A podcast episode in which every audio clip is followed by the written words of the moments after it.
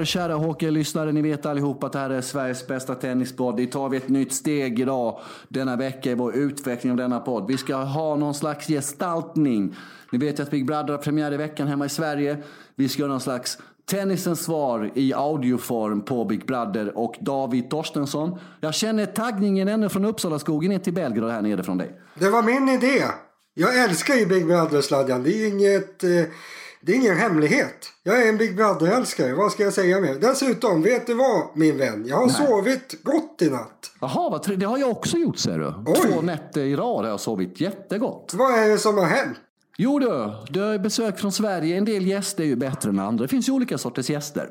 Finns de gästerna som bokar på sådär fyra, fem dagar i mitt gästrum utan att kolla innan. De brukar jag kasta ut efter två, tre dagar. För en bra gäst stannar max tre nätter, helst två. Då kan man som värd ge allt av sig själv och vara en fantastiskt bra värd. För att du vet att den här människan åker hem inom 48 timmar. Sen har du den typen av gäster David som, som, som kommer som inte frågar vill du ha något från Sverige? Saknar du kanske inlagd rimmad lax eller du vet vad som helst eller kanske någon hovmästarsås du vet som inte finns här. Eh, sen finns det de som inte frågar någonting och inte tar med sig någonting. Men nu har en gäst som hade med sig en stor flaska Kokilana, skånsk kavring, normalsaltat Bregott och Port Salutost. Jag är i sjunde himlen ja, det är allt man behöver, eller hur? Du, eh, vi ska beta av lite Rotterdam och beta av lite andra tennisgrejer innan vi kommer in på, på, på, på själva Big Brother. ATP 500, Rotterdam, David, inomhus. Hardcourt, åtta av de 16 topprackande spelarna är på plats. Vad tycker du om turneringen i Rotterdam? Vad ger du den för status och så vidare?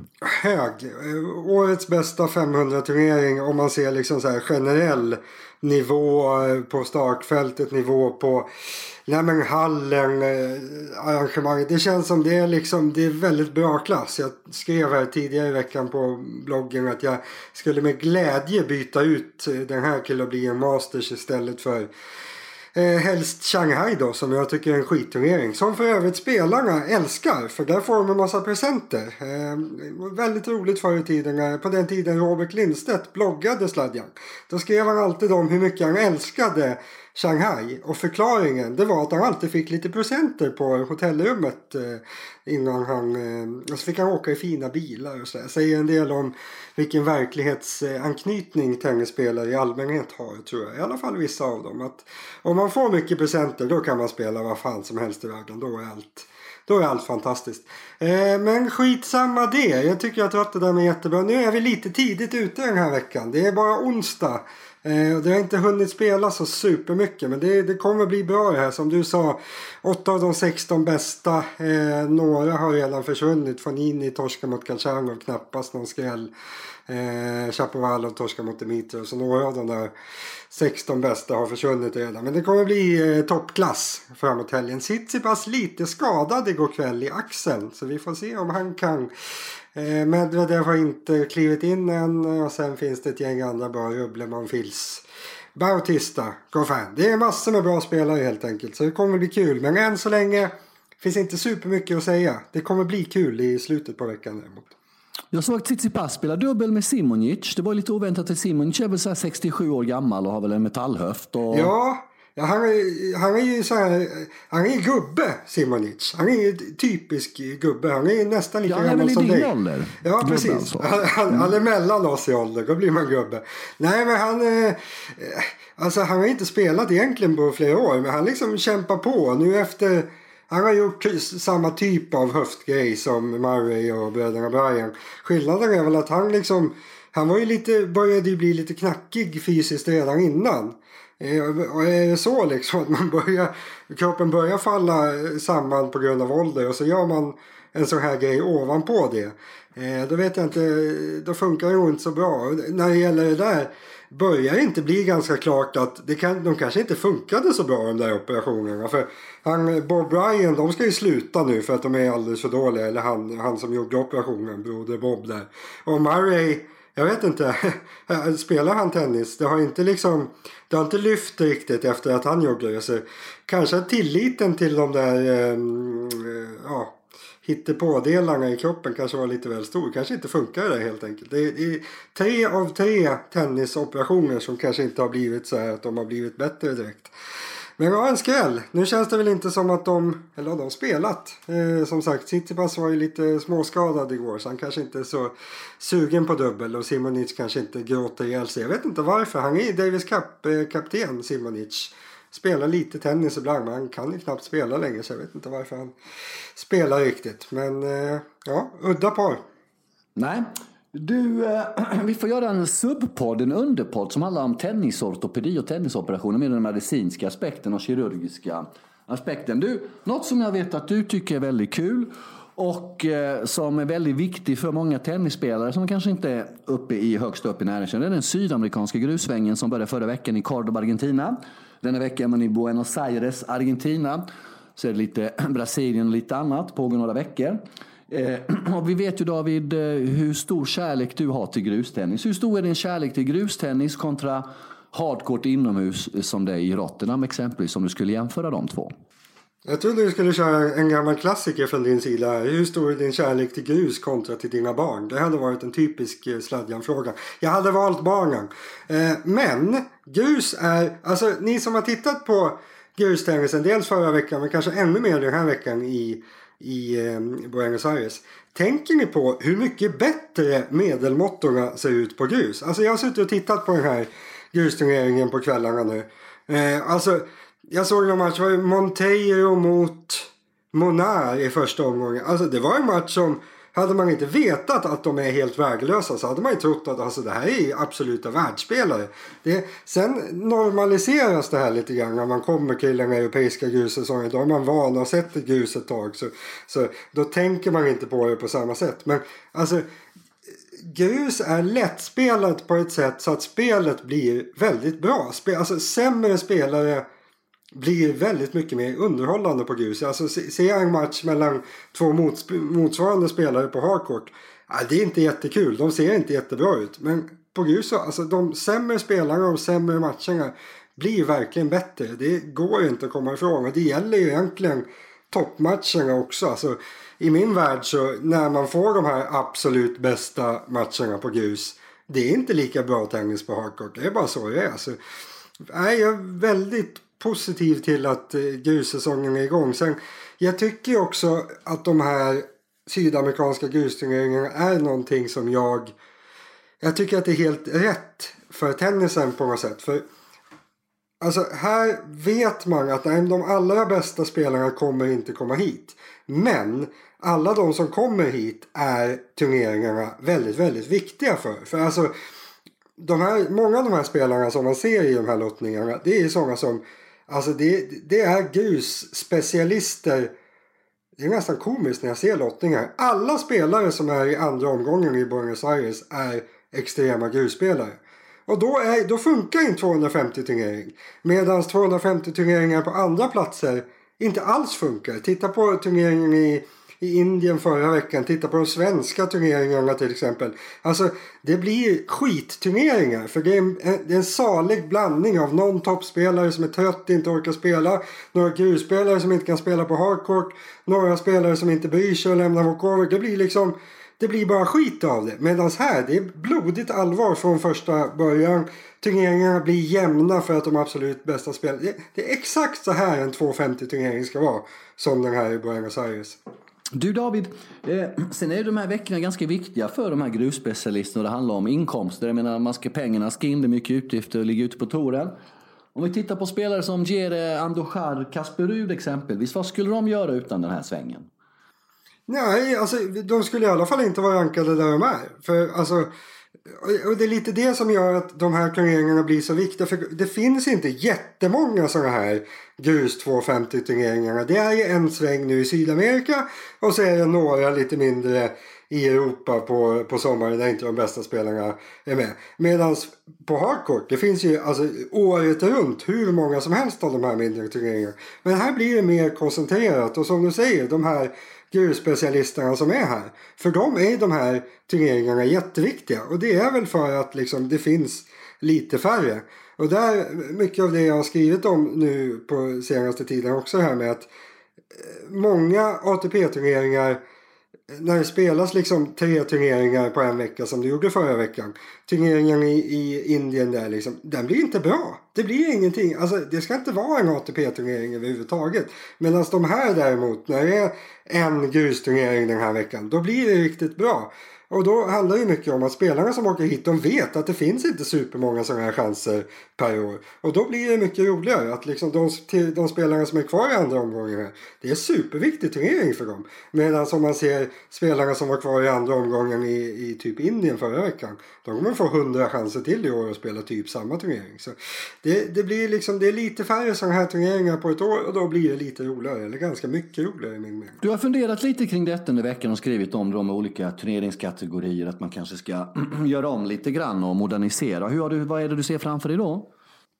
Ja men det är ju just det här att alltså man måste hitta något syfte med varje turnering. Som förra veckan, då var det, det var Marseille, det var Cordoba, det var eh, Pune i Indien. Alltså den enda turneringen av de tre som, eh, som skulle kunna liksom ha ens en potential att vara en hyfsad turnering. Det är den som spelades i Frankrike och Europa. Där skulle det liksom kunna bli Ja, men, eh, om de andra turneringarna inte fanns då skulle de spelarna som spelade där spela i den turneringen och så skulle den bli ganska bra med kanske mellan 5 och 10 topp top 20-spelare säkert. För det finns spelare som vill spela, det är bara det att de blir så utspridda.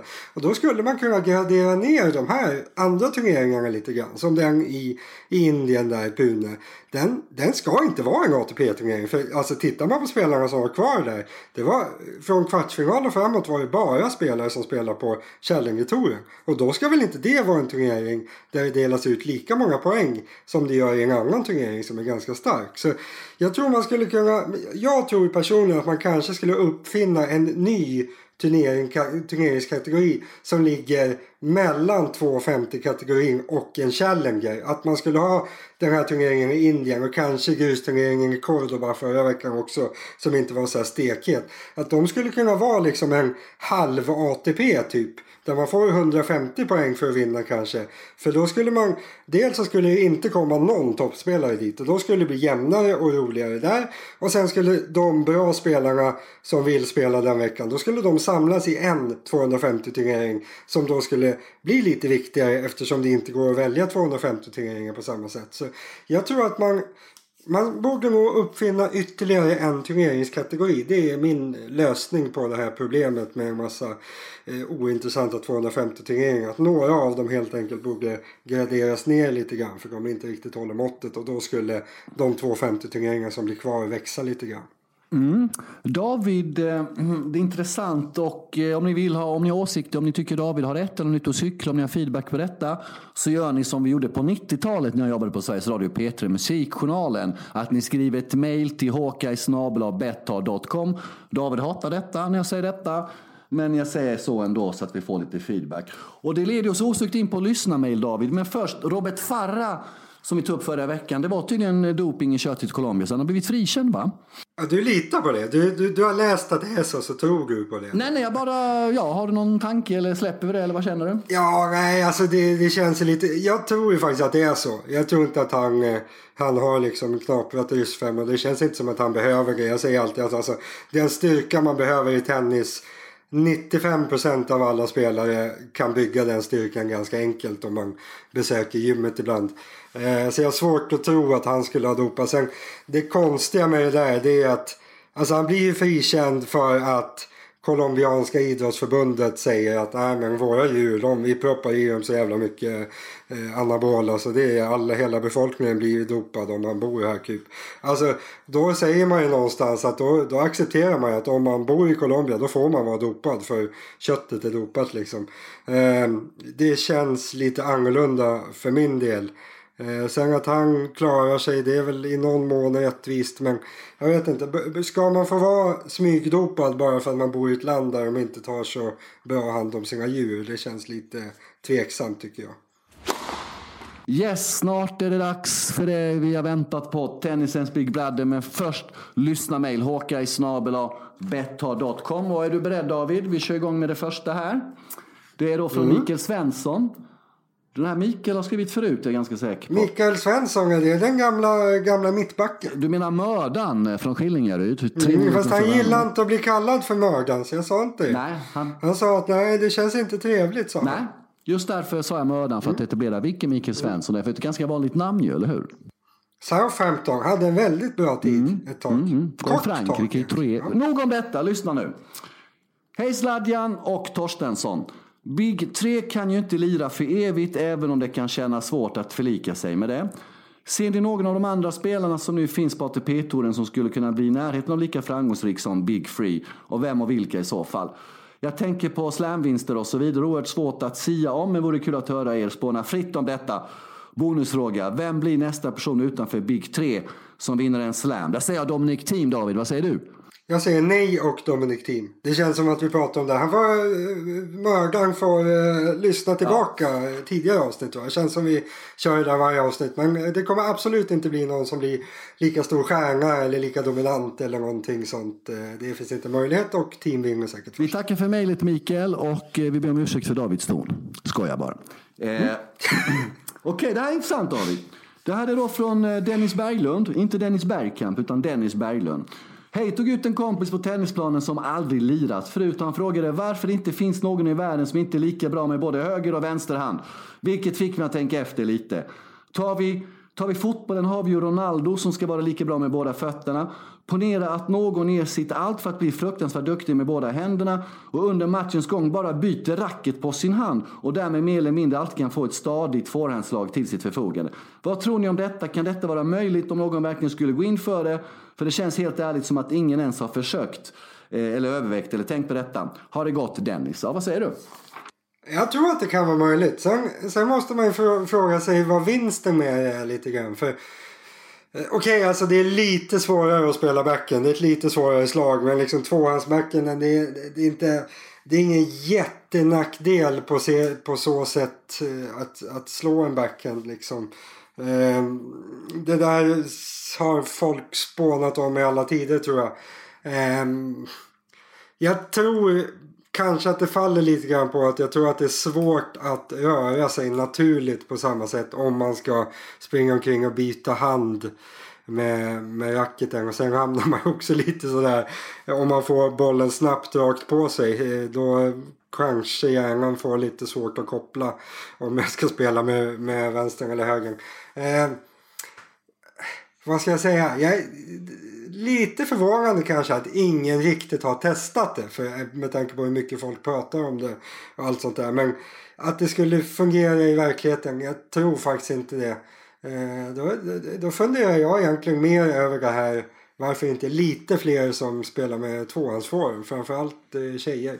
Det har varit några som har använt det genom åren. Vissa tjejer och någon kille. Eh, men det, ja, det känns som att det kanske är större chans att det kommer tillbaka någon som kör två händer på, på båda sidor än att någon börjar byta hand. Jag tror det är osannolikt. Mm. Vi har ett mejl från Anton Mattsson och det här har ju vi berört i en specialare i samband med Next Gen. Han undrade om det han noterade då att i samband med Next Gen-slutspelet förra året att det sköttes elektroniskt. Vad tycker ni om detta? Allt det har vi ju svarat på tidigare egentligen. Men du är ju för den typen av utveckling mot det. Du vill inte ha massa folk i onödan på banan, eller hur David? Nej, och det kommer väl komma. Jag har inte, jag har inte sett någonting av det i år på ATP men jag tror att alltså, det kommer att vara på väg in. Eh, det har funkat så pass bra.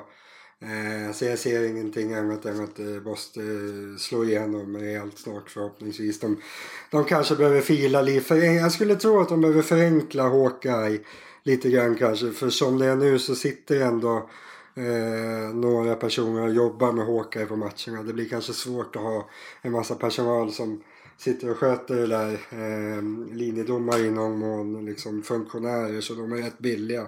Lite dyrare kanske att ha personal som sitter och sköter Hawkeye under matcherna. Men det där kommer till slut så kommer det vara helt automatiserat och då kommer man ju använda det. Det är inget snack om det. David, nu får du fokusera. Det är bara två mejl kvar så går vi in på Tennis Brother. Jag hör och känner att du är bara i Big Brother redan. Två mejl kvar. Detta är jätteviktigt mejl handlar om föräldraskap.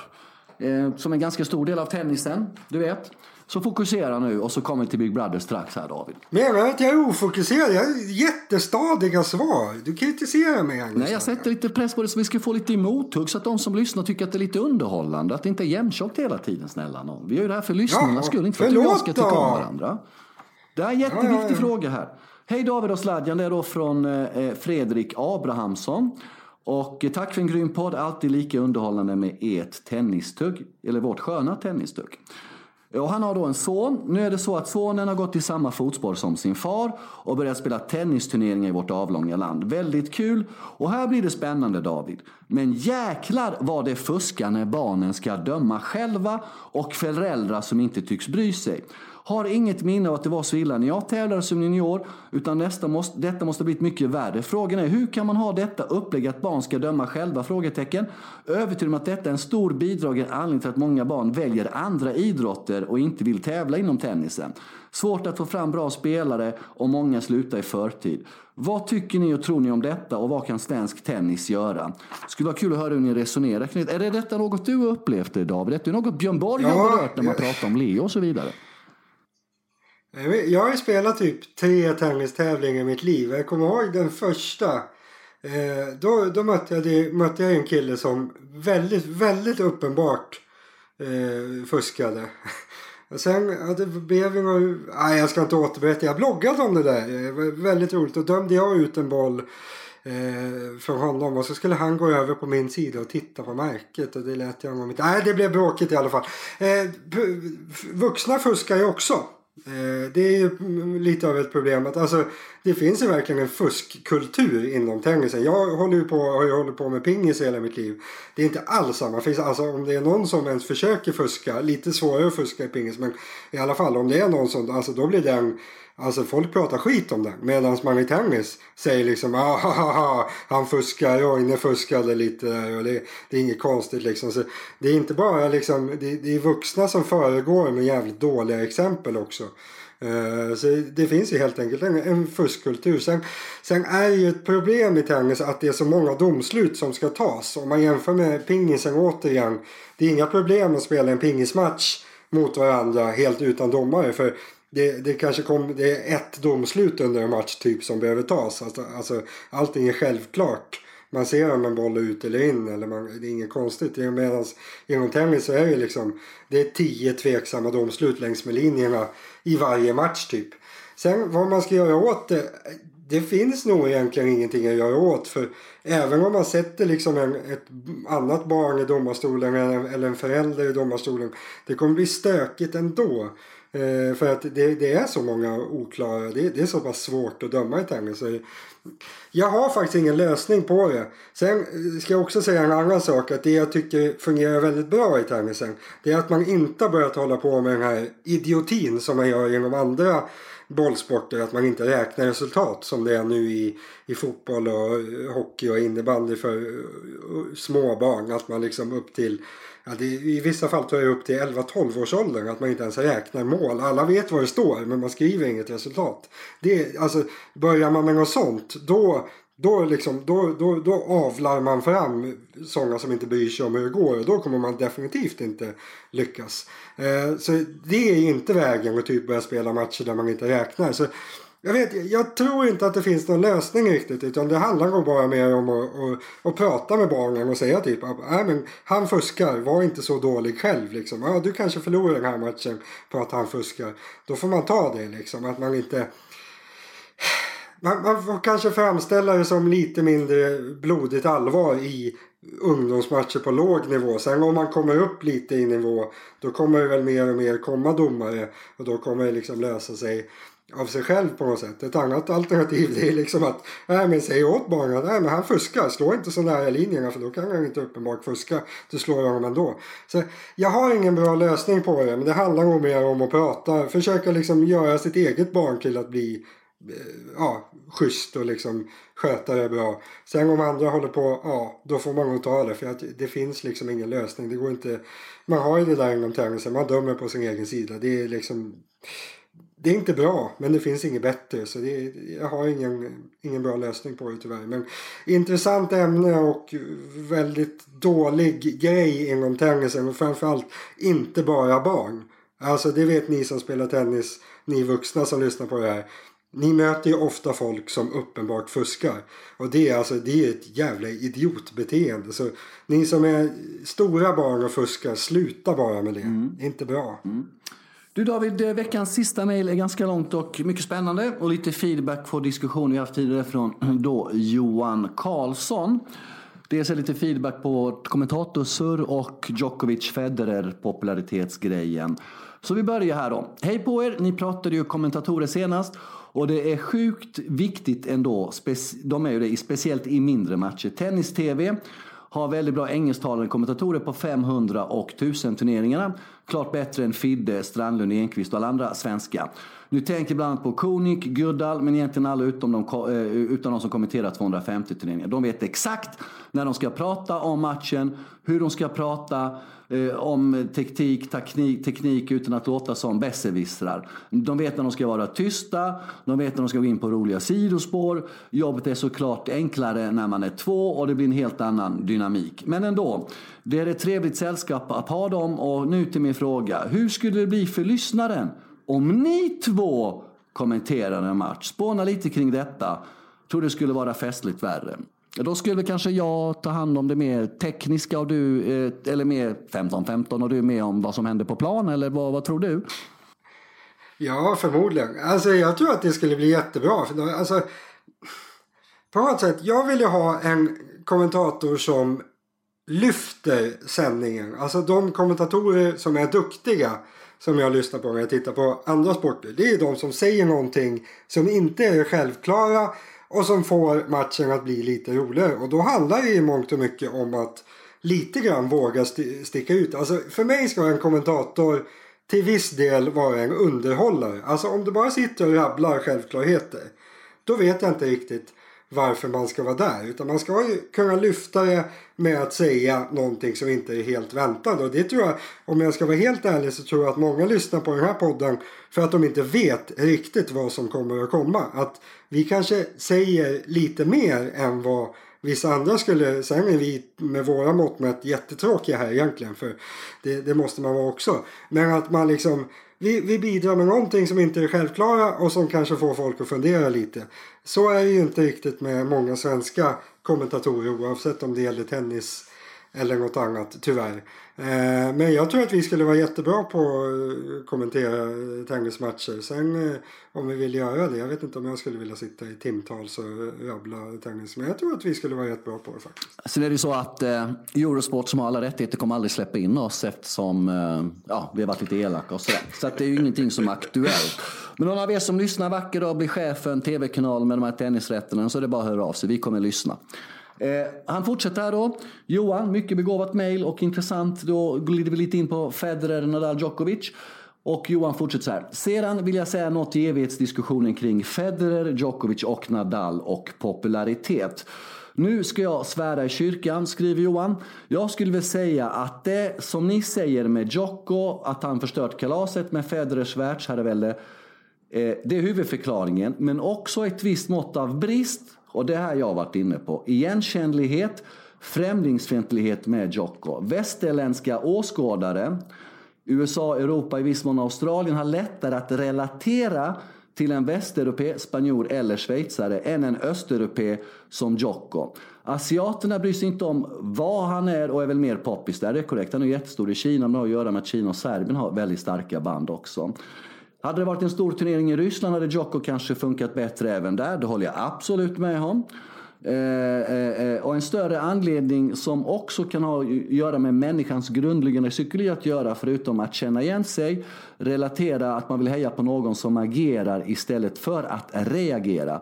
Federer kom med sin forehand, sin precisa serve med något nytt och tog världen med storm. Det gjorde Nadal också på sitt sätt, kanske ännu mer, med sin sjuka spelstil på grus. Djoko och till viss del Murray blev bäst på att vända försvar till anfall på ett väldigt effektivt sätt. Men också de enskilda slagen, inte så spektakulära på samma sätt som Nadals och Federers. Hans serve och, ja, och så vidare och så vidare. Ja, vad känner du här inför Johans funderingar? Det sista är ju väldigt smart. Jag vet inte, det där är som att jag har ju det där i mitt huvud. Jag, jag har ju skrivit om det där tusentals gånger känns det som. Men det var ju kanske tio år sedan. Där jag skrev om det här med spelstilar. Att Djokovic spelstil är inte så spektakulär. Om man skrev om Murrays spelstil att den, folk liksom hatade den. För alltså det här det klassiska inom tennisen är att man ska ju vara offensiv, lite offensivare och helst offensivast av alla. Då är man den liksom mest positiva, våghalsiga spelaren och bli älskad. Eh, så eh, allt det där sista håller jag i 100% med om. Sen det där med att Alltså jag, jag, vill ju inte tro att det är så att man bryr sig om någon kommer från Schweiz. Men det är ju så David, på vissa ställen är det så. Nej, jag, jag är inte, ja, skitsamma. Jag tycker inte att det borde vara så. Men det jag kan berätta dig för dig så här. Eh, jag då som kan åka runt i världen och när folk frågar mig var jag kommer ifrån, då kan jag välja vad jag säger. Ibland, eh, jag menar, det är en väldig skillnad på vissa ställen att säga att jag är från Stockholm eller från Belgrad och hur folk bemöter det.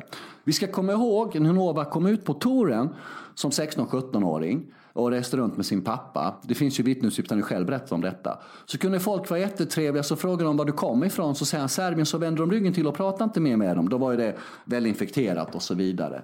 Eh, och vad jag menar också är Väldigt mycket av narrativet i tennisvärlden styrs ju av väst. Novak Djokovic är oerhört impopulär och icke omtyckt på centerkorten i Wimbledon, centerkorten Flushing Meadows. Det styr ganska mycket.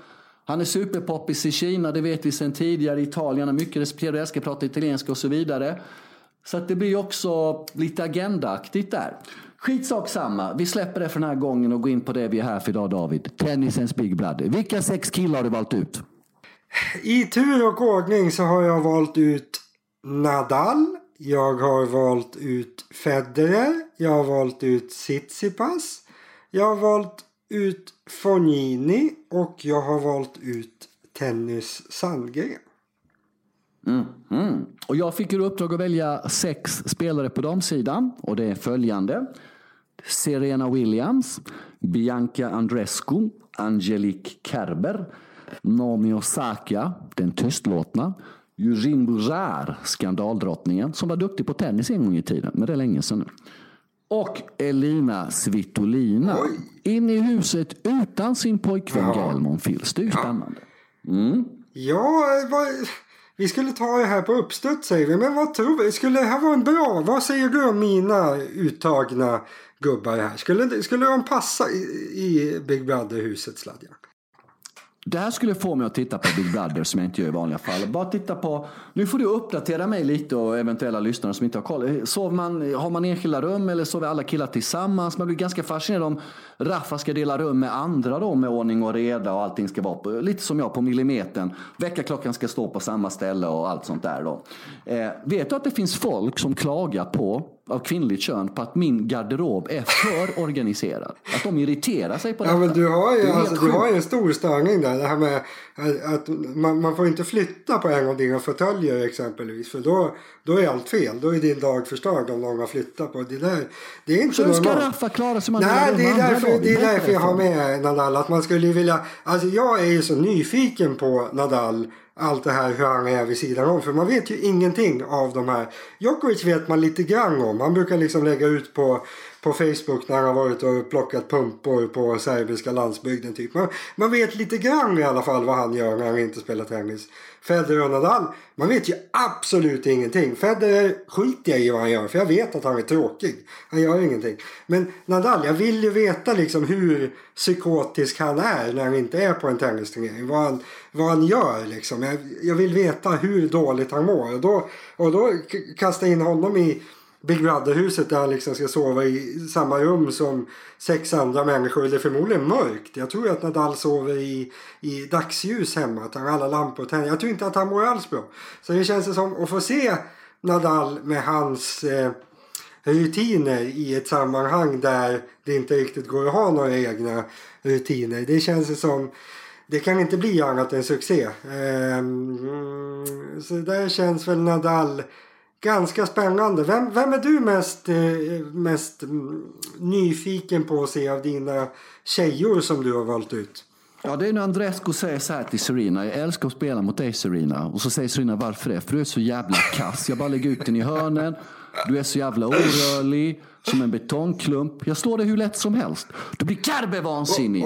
För eh, kallade ju Andrescu för drama queen och slog en Indian Wells när de skakade hand. Och så skrev hon på några timmar senare på, på Twitter någonting. Congratulations to segern, förmodligen the victory. Och det är Kyrgios sa hur fan kan du skriva det här när du sa det där framme vid nät. Så vi har valt ut ett jävla bra gäng här. Och nu får jag hemliga rapporter om att Mirka, att Roger har gått in i huset utan Mirkas tillstånd. Vad fan är det som Ja, händer? det då? var väl det som var twisten. Att vi kom, kom vi fram till lite där att Federer kommer väl inte få vara inne i Big Brother-huset.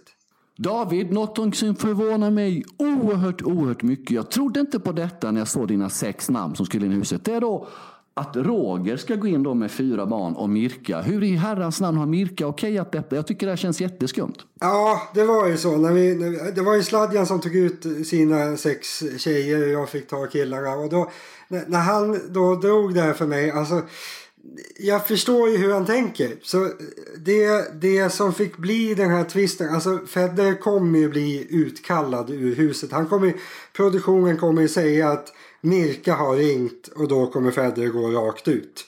Sen om det var då att, hon, att han inte fick vara kvar eller om hon bara ville fråga något. Nej, Federer kommer lämna huset först i alla fall så han kommer inte vinna. Eh, och då vet du vem, vi, vem, vi, vem jag valde in för att kliva in istället för Roger? Faiza? Ja. Djokovic?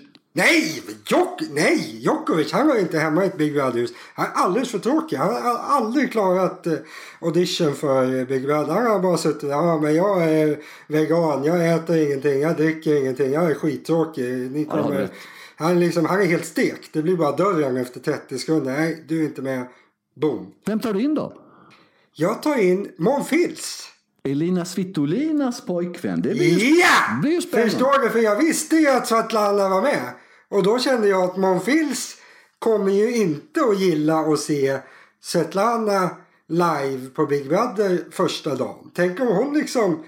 Ja, nu ska vi inte dra det alldeles för... Men t- t- tänk om hon sitter och pratar för mycket med...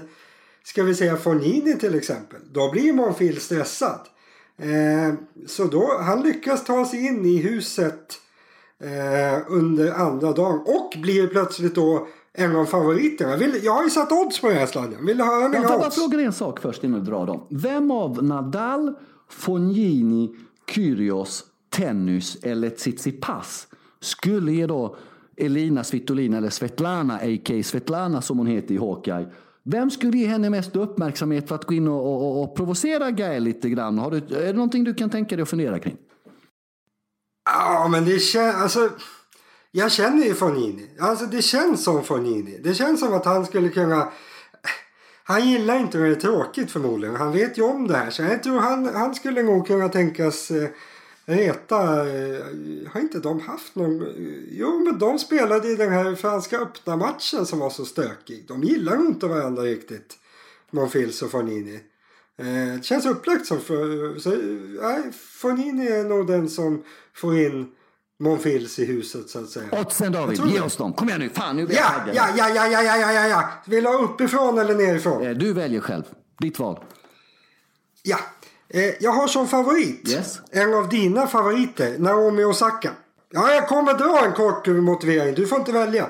Eh, för att hon kommer ju vara den här som bara slinker igenom. Hon kan väl i princip inte prata. Hon kommer ju bara sitta i ett hörn och se trött ut och ingen kommer märka av henne. Så kommer hon bara liksom rulla på, rulla på, rulla på. Och sen när det blir färre kvar så kanske hon blir lite rolig. Så hamnar de i final mot någon som alla hatar och så röstar hon på henne och så bara vinner hon. Så hon är favorit till fyra gånger pengarna. Andrahandsfavorit, Mon Monfils, fem gånger pengarna. För att han är rolig. Han är liksom en Big Brother-personlighet. Han, det kommer vara fart hela tiden. Han, han är ganska snäll men ändå rolig. Han känns liksom som... Han är klippt och skuren för det här. Han är andrahandsfavorit fem gånger.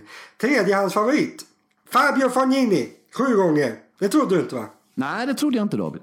Nej, jag tänker så att Fonini, han är ju en stökpelle och liksom uppför sig dåligt hela tiden. Men det sjuka med honom, det är att o, nästan oavsett var man än går, vilken turnering som helst, så älskar publiken honom ändå. Så jag ser liksom framför mig, han kommer bråka, leva om, stöka, göra allting. Men han kommer, den här förmågan den kommer följa med honom in i huset. Folk kommer ändå älska honom. Så han blir en av favoriterna trots att han är en av de som kommer stöka allra mest. Fjärdehandsfavorit mm. Kerber åtta gånger. Eh, jag vet inte varför du har tagit med henne. För mig är hon liksom som en, eh, en färgburk som torkar. Det känns som att det kommer inte hända någonting överhuvudtaget. Hon kommer vara, vara där, slinka omkring och Eh, slinka? Ja, hon kommer inte göra så mycket i alla fall. Eh, så, hon är ju lite fake Kerber. Ja, det kan väl funka. Det kan väl funka, kan det inte det? Säg en sak in your face och en annan bakom ryggen och gilla att dra fram konflikter och skapa oreda. Till exempel bara att hon eh, bara det att hon skickar sms till Serena och säger att Andrescu är så rolig att hon vägrar gå till gymmet. Jag menar det skapar ju skapar spänningar i huset. Intrigmakerska, typisk Big Brother-personlighet. Nej, jag tror att hon har en chans. Kanske på att jag är lite osäker på henne så jag vågade inte ha för högt odds. Eh, femma, Tenny Sandgren. Nio gånger pengarna har jag sagt på Sandgren. Mm. Mm, han blir lite i mitten här. Alltså han, han är ju ganska kontroversiell. Men han känns ändå som... Nej, jag vet fan inte. Han var svår att sätta odds på helt enkelt. Jag går vidare. Mm. Svetlana, nio gånger pengarna. Känns väl som en väldigt vanlig, eh, trevlig tjej. Det, det funkar ju alltid. Eh, lite negativt kanske att de har Monfa i huset där. Jag tror inte att det är föredrar riktigt. Men ja, hon har chansen. Sjua, pass. Jag tror att han får det svårt ändå. Han är lite konstig. Konstiga brukar inte vinna. Eh, underhållande men eh, han vinner nog inte. 10 gånger pengarna på honom. 12 gånger pengarna på Nadal på åttonde plats. Och där är ju väldigt mycket antingen eller. Alltså om han skulle boa in sig här och trivas i Big Brother. Då kan det ju bli så att han känner liksom att det här är ett fantastiskt ställe. Jag kan inte ens gå ut. Jag är inlåst. Det är helt perfekt. Som att han skulle bli inlåst på psyket typ. Det är kanske är det han vill, jag vet inte. Eh, men alltså, det kan ju lika bra bli att han bara bryter ihop efter tre dagar och går ut. Så, men jag skulle kunna tänka mig att spela Nadal till 12 gånger pengar. Han är nog den jag helst skulle spela av de odds jag hade satt faktiskt. För det kan funka. Eh, nia Kyrgios till 14 gånger pengarna. Eh, man blir väl inte mycket mer en Big Brother-person än vad Kyrgios är. Alltså det kommer, det kommer hända en hel del. Det har ju hänt att de här allra stökigaste, märkligaste, konstigaste människorna har vunnit dokusåporna. Eh, ja, folk har börjat gilla dem helt enkelt. Kyrgios, alltså när han sköter sig ibland då börjar ju publiken gilla honom på något sätt. Så i teorin skulle folk kunna börja gilla honom. Men nej, det, han är minst betrodd av killarna ändå. Alltså, det, det kommer, han kommer förmodligen bli utkastad av produktionen för han kommer begå ett brott mot en regel som inte är okej. Just det. Just. Eh, Till skillnad från ATP-touren så följer man regeln och blir värd att ta konsekvenser. exakt.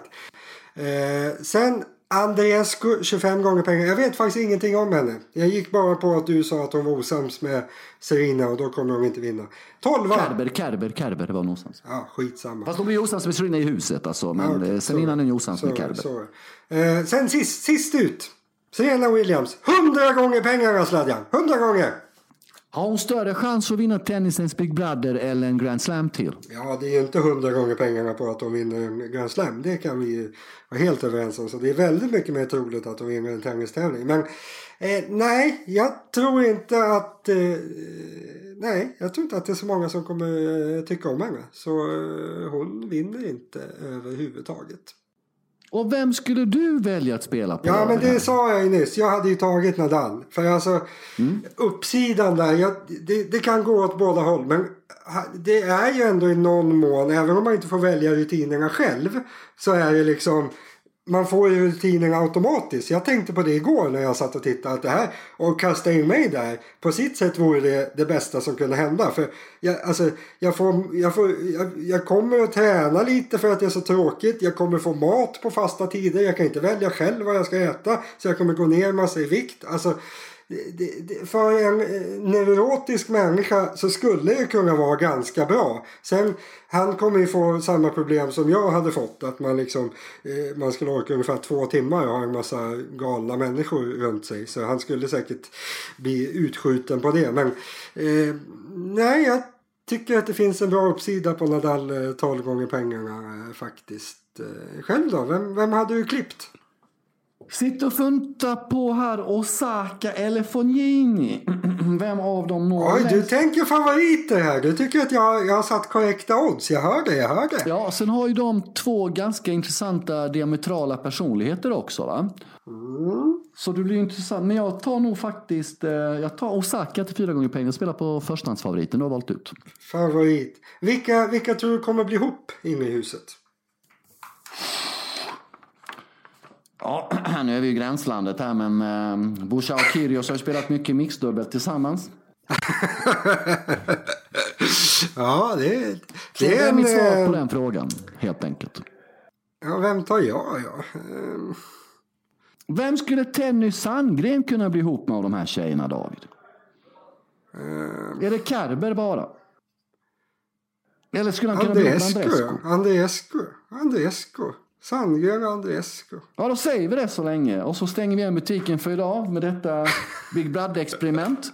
Eh, om ni tycker vi ska lägga ner sånt här så får ni gärna skriva in det alla 90-tal till håka.betta.com. Om ni tycker vi ska fortsätta med sån här typ av uppdrag så skriver ni till samma typer av adress. Vad händer de närmsta dagarna David? Jag ska titta på en brutal massa tennis. Det är skitkul att kolla på tennis den här veckan. Och eh, det finns nästan ingen annan sport heller. Så jag kan till och med titta på tennis på kvällarna utan att bli distraherad av att det är något annat kul. Så nej, jag kommer bara att sitta och eh, kolla på tennis skulle jag säga. Du då? Äta eh, kavring eller vad, vad blir det?